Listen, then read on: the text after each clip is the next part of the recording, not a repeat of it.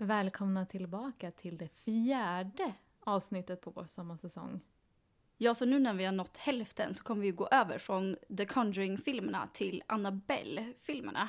Som är ju i samma, samma serie, samma universum. Eh, Man har, vi har ju touchat Annabelle känns det som lite tidigare liksom just med tanke på att hon har ju kommit upp så att säga. Men det ska bli väldigt, väldigt spännande nu att se, eller se, att höra lite mer liksom vad är liksom the backstory och vad har hänt på de här filminspelningarna och, och vad är det baserat på och alltså Exakt, så att nu tänker jag att jag börjar med att berätta handlingen i den första Annabelle-filmen. Så att en liten spoilervarning här, att har ni inte sett den så, och inte vill veta innan, så pausa, kolla på filmen och kom tillbaka.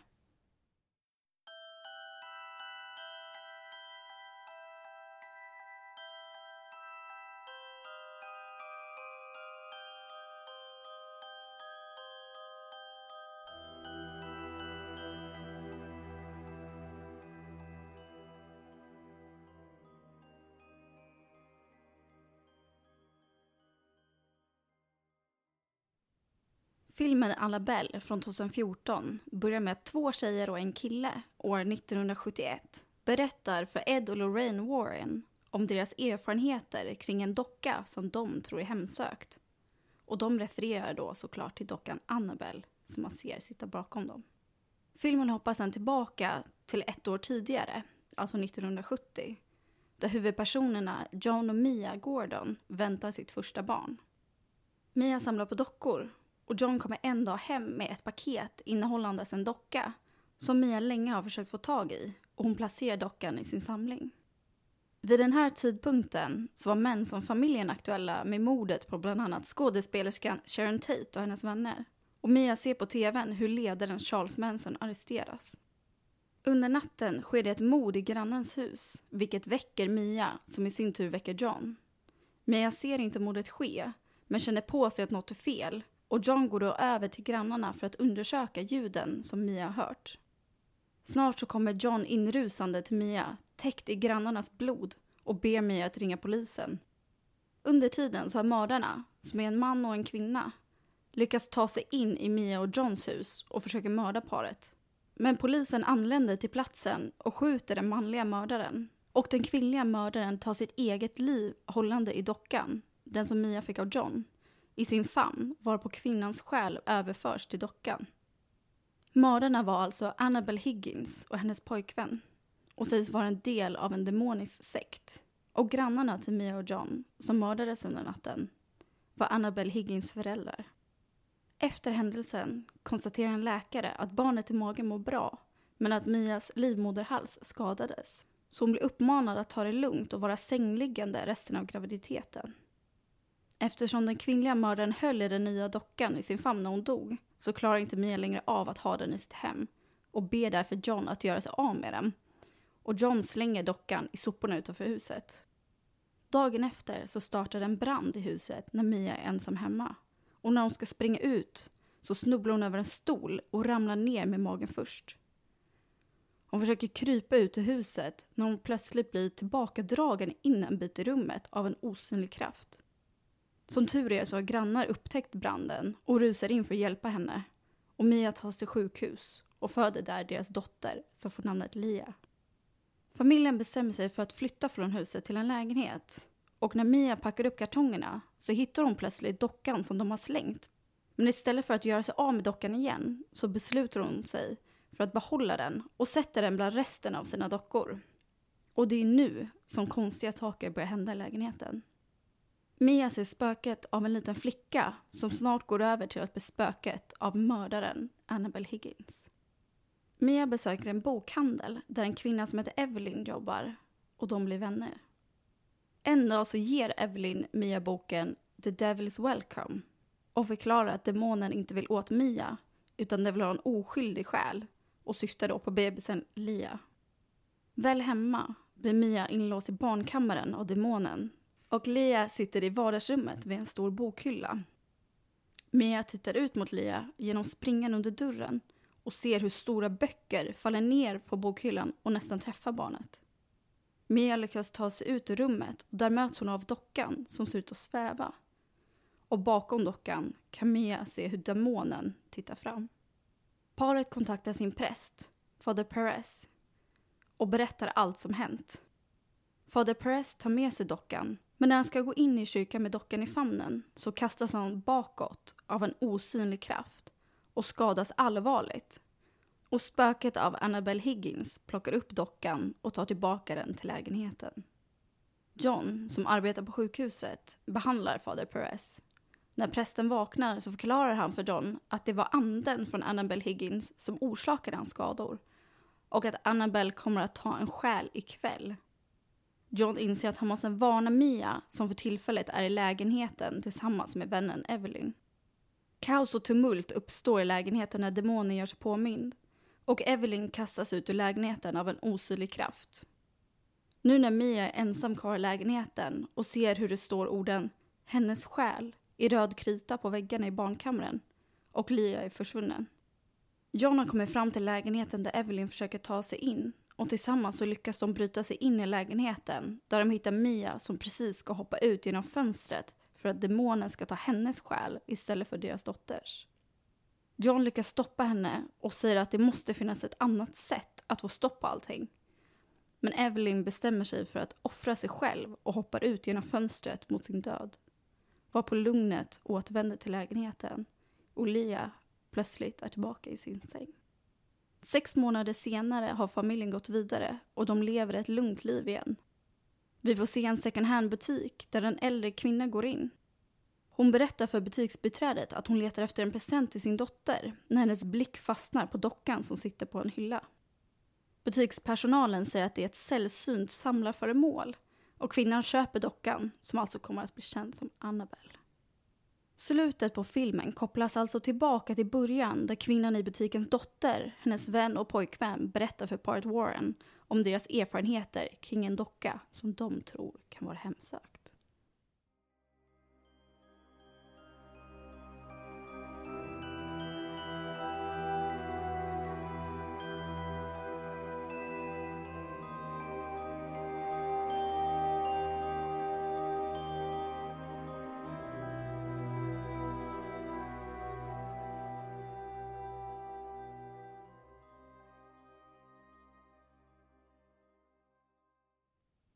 Alltså jag tycker att den här filmen också är, är en av de absolut bästa i serien. Jag skulle säga att The Conjuring 1 och den här är typ mina absoluta favoriter i det här universumet.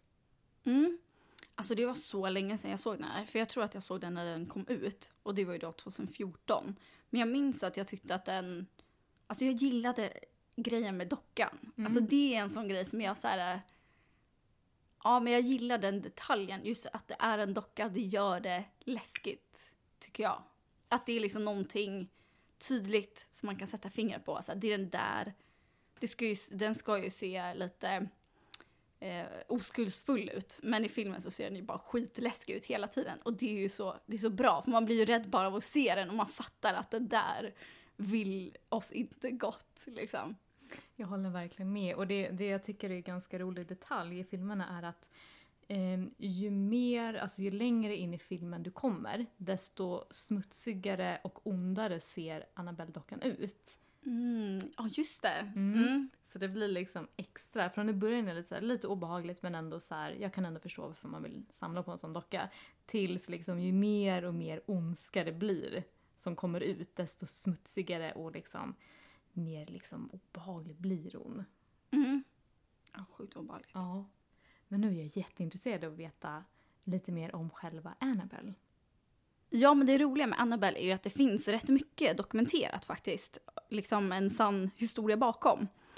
Eh, och det första som finns dokumenterat kring just Annabelle-dockan är som sagt från år 1970. Då två kvinnor berättade för paret Warren om deras paranormala upplevelser med dockan. Dockan ska ha varit en födelsedagspresent som den 28-åriga sjuksköterskestudenten Donna fick av sin mamma, precis som i filmen. Och Donna tyckte om dockan och hade den i sin lägenhet som hon delade med sin vän Angie. Och till en början så satt dockan som en accessoar på soffan i vardagsrummet.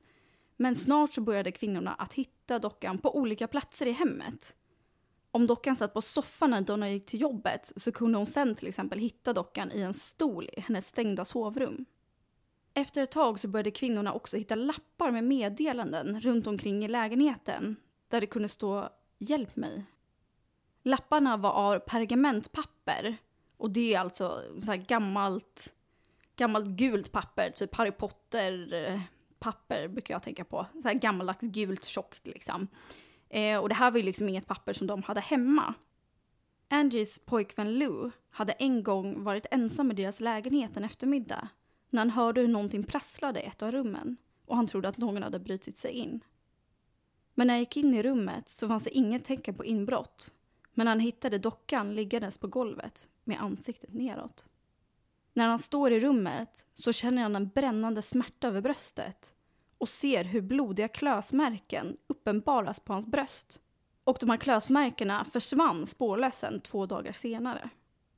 Så efter den här händelsen så tog tjejerna hem ett medium till lägenheten som då höll en seans och berättade att dockan var övertagen av en sjuårig flicka vid namn Annabelle Higgins som ska ha dött på marken där den här fastigheten var byggd.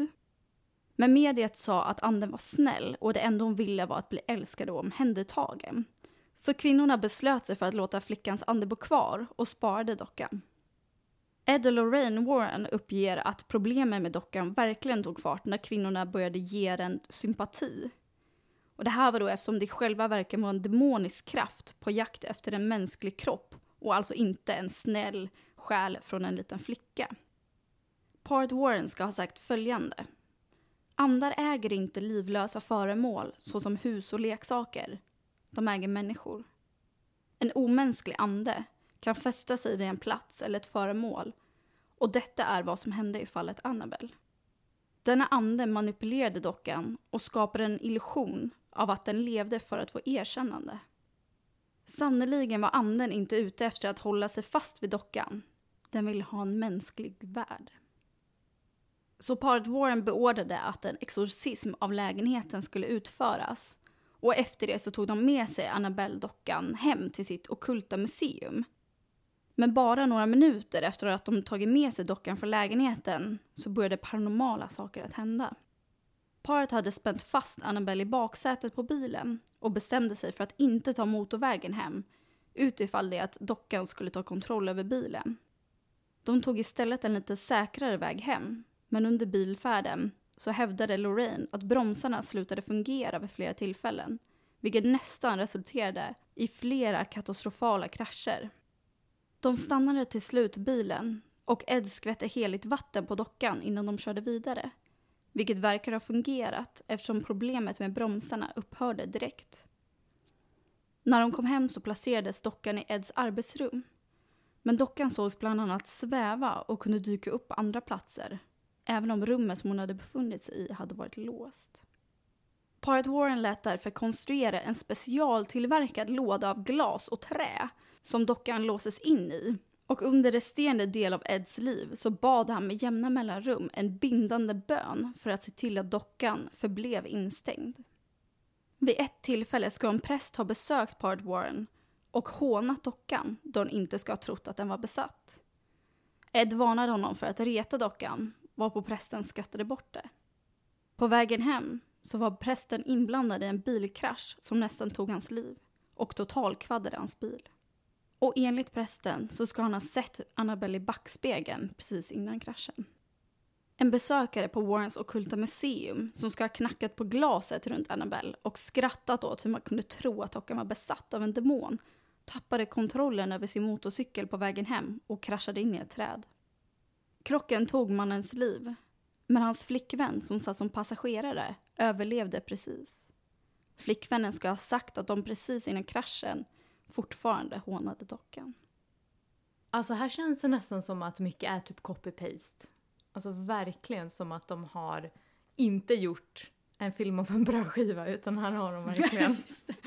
ja, nej men, nej men exakt för vissa som du säger, just det här i början med de två kvinnorna och pojkvännen, det är ju exakt, det är ju origin-historien på riktigt mm. liksom. Mm. Men kul också att få liksom lite mer info, att liksom vad de upplevde. Det är de som hade dockan först. Mm. För det är egentligen där, alltså i verkliga historien så är det ju där allting börjar. Mm. Och sen så har man hittat på den här bakgrundshistorien till henne att det började egentligen innan hon fick dockan. För att i den riktiga berättelsen så ska det ju vara att, mm, att den här Annabelle Higgins kom från platsen där de bodde och Mm. bara satt sig i dockan. Medan filmen säger då att den blev besatt innan Mm. Av en mördare. Mm. Lite sexigare än, än att det var en, en flicka som hade dött i området. Liksom. Mm. Man hade ju kunnat egentligen typ basera hela filmen istället för att ha det här paret Mia och John. Att man istället hade kunnat ha då sjuksköterskestudenten som fick den i present och sen så mm, pojkvännen då och rumskamraten. Det hade ju funkat lika bra att göra liksom en film att det händer grejer för dem. Ja men absolut. Absolut, för de är ju ändå med om lite. Men det kanske var något så här att de kanske inte fick eller de inte ville eller det kanske inte var lika, lika kul att göra det Mm. för verklighetsbaserat. Typ. Exakt, för, jag, för att det blev ju en väldigt bra film. Även om det inte var baserat på, på dem. Ja, och eh, ni som inte har sett den riktiga dockan, den skiljer sig en hel del från den i filmen. Men vi tänker att vi går in mer på den i nästa avsnitt. Så att om ni vill veta mer så lyssna om två veckor. Men nu tänker jag gå över till lite vad som har hänt under inspelningen av den här filmen.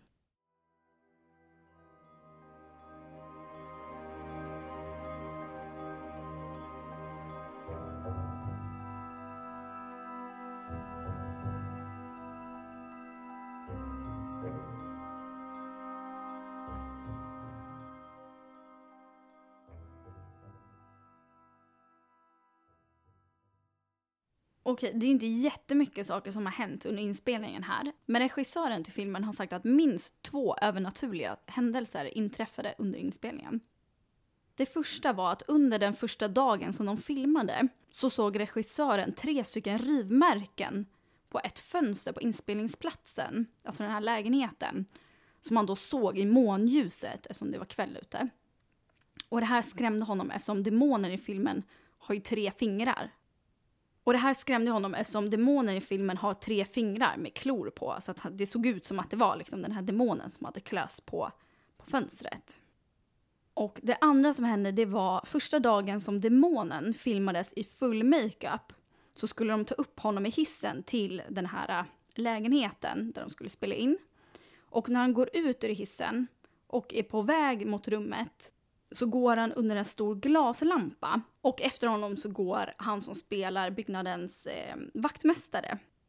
Och helt plötsligt så faller den här glaslampan ner på den här skådespelaren som spelar vaktmästaren på hans huvud.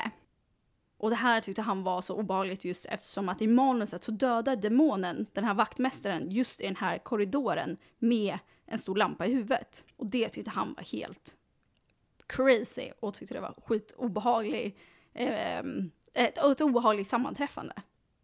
Alltså what the fuck. Det är ju läskigt. Mm. Att det är ju så här, de två karaktärerna Ja. i den korridoren och liksom första dagen. Alltså det är ju som ett hån. Ja, Men att den så här, jag är här så att ni vet. ja verkligen. Och det är lite återkommande också i, i den här filmserien. Att just så första dagen på inspelningen så verkar det hända lite saker. Jaha. Mm. Gud, nu blir jag jättenyfiken på att höra resterande avsnitt. Det här var det vi hade för idag. Så att nästa avsnitt om två veckor, då går jag ju då in på Annabelle 2, Annabelle Creation. Så då berättar jag lite mer om eh, dockan och dess utseende och ja, det vi vet om henne egentligen. Då ses vi om två veckor. Det är vi. Trevlig sommar! Trevlig sommar. Ha det bra.